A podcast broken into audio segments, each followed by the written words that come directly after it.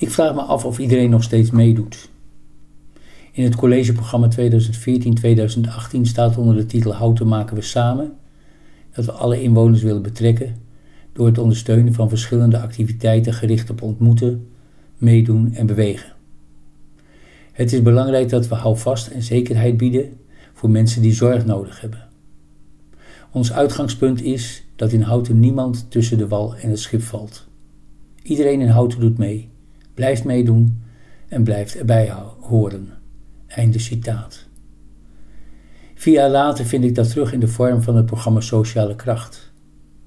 Kern van dat programma is nog steeds dat iedereen meedoet.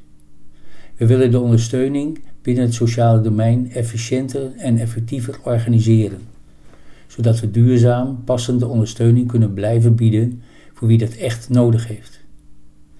Het vervolg van Iedereen doet mee krijgt vorm in de sociale koers, die richting geeft aan het sociale beleid tot 2023. Het gaat dan om zorg, welzijn, werk en inkomen, gezondheid, jeugd en onderwijs. Die koers viel begin dit jaar niet goed in de gemeenteraad, omdat je als bewoner niet weet wat je daaraan hebt. Onlangs was het sociale domein, domein landelijk in het nieuws. Dat zal niet de eerste keer geweest zijn, maar bij een gemiddelde kijker, luisteraar, zal het niet geleid hebben tot het spitsen van de oren. Het is maar net wat je op dat moment belangrijk of belangrijker vindt. De ondertoon over dit onderwerp was echter wel serieus. Het gaat niet goed met dat sociale domein. Wat dat betreft ook geen nieuws, want het gaat wel vaker met dingen niet goed. Is dat domein dan iets waar ik mij, mag ik zeggen, als sociaal bewegend inwoner van Houten zorgen over moet maken? Heb ik iets gemist? Moet ik nadenken? Of heb ik daar in de toekomst mee te maken? Heeft het te maken met het feit dat niet iedereen meer meedoet? Vallen mensen toch tussen de wal en het schip? Ook in Houten. Wat is er aan de hand? Vijf jaar geleden werd gestart met de wet maatschappelijke ondersteuning, de jeugdwet en de participatiewet. Het streven was toen meer participatie in de samenleving voor mensen die dit niet helemaal op eigen kracht kunnen.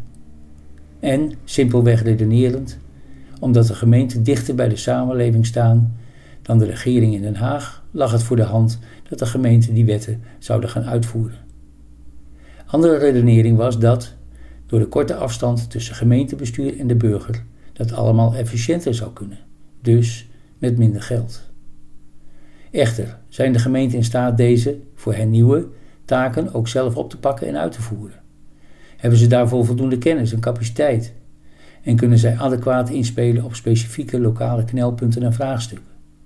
Klaarblijkelijk niet. Anders was het nieuwsbericht hierover niet zo zorgelijk geweest. Burgers weten niet altijd waar ze hulp kunnen krijgen. Dat constateert recent het Sociaal en Cultureel Planbureau in een evaluatie. Daaruit volgt dat een aantal kwetsbare groepen te weinig prioriteit krijgt. Niet alle mensen die hulp behoeven in beeld zijn en dat de verwachtingen over zelfredzaamheid niet realistisch waren. Ook zou meer aandacht uit moeten gaan naar een goede informatievoorziening en vereenvoudiging van procedures. En dat zal in Houten dan ook wel het geval kunnen zijn. De uitvoering van taken in het sociale domein is veelal maatwerk. Het vraagt een aangepaste werkwijze van een zich steeds meer terugtrekkende overheid. Dat de gemeente in deze moderne tijd initiatieven faciliteert is prima. Maar vanuit het credo iedereen doet mee, zal ze nu echter aan de bak moeten. Dus ga op zoek naar iedereen. Meedoen is niet te min een wederzijdse verantwoordelijkheid. Wat of wie heb ik nodig als ik het zelf niet meer kan? Welke instantie kan mij daarbij helpen? En waar haal ik de informatie vandaan? Hoe kan ik preventief mijn eigen zelfredzaamheid organiseren? Het beantwoorden van die vragen is voor de meesten nog niet actueel. Maar het is goed hiermee het bewustzijn te kietelen. Dat hoort bij een inclusieve samenleving.